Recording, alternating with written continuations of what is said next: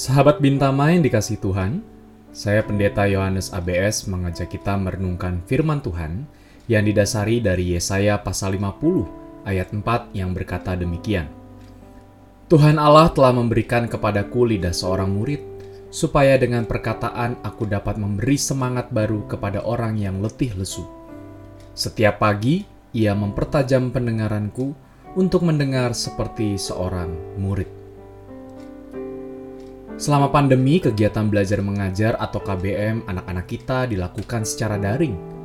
Kalau sewaktu onsite, seluruh indrawi siswa akan dipakai sebagai sarana pembelajaran. Tapi sekarang ini kayaknya hanya dua saja yang mayoritas digunakan, yaitu mata dan telinga.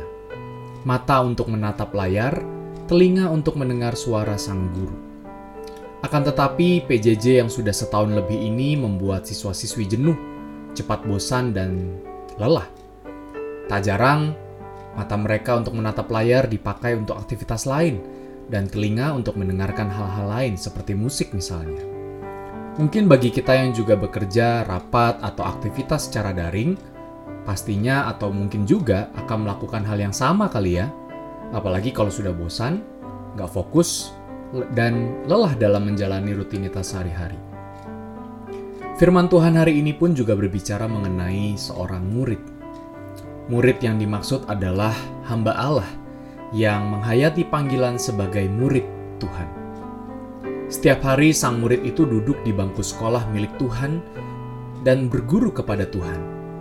Telinganya disendengkan untuk mendengar segala pengajaran Tuhan. Belajar mendengar di sini adalah mendengar pengajaran sang guru, termasuk hal yang didengar sang guru, seperti keluh kesah umat yang menderita oleh belenggu dosa.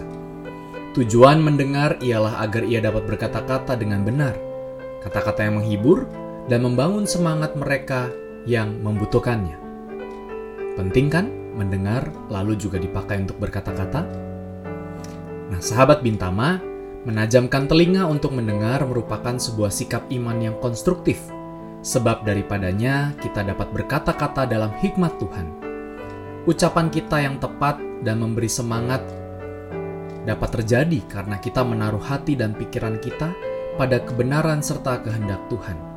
Persoalannya, apakah selama ini kita menajamkan telinga dan melembutkan lidah kita? Atau justru sebaliknya? Di tengah kelelahan, kebosanan, kejenuhan aktivitas kita sehari-hari, marilah kita tetap tajamkan pendengaran kita, sehingga kita dapat berucap dengan tepat tidak asal bunyi alias asbun, melainkan dapat mengontrol perkataan dan perbuatan kita. Demikianlah renungan hari ini. Kiranya Tuhan memberkati aksi puasa dan pantang kita serta seluruh karya kita hari ini. Amin.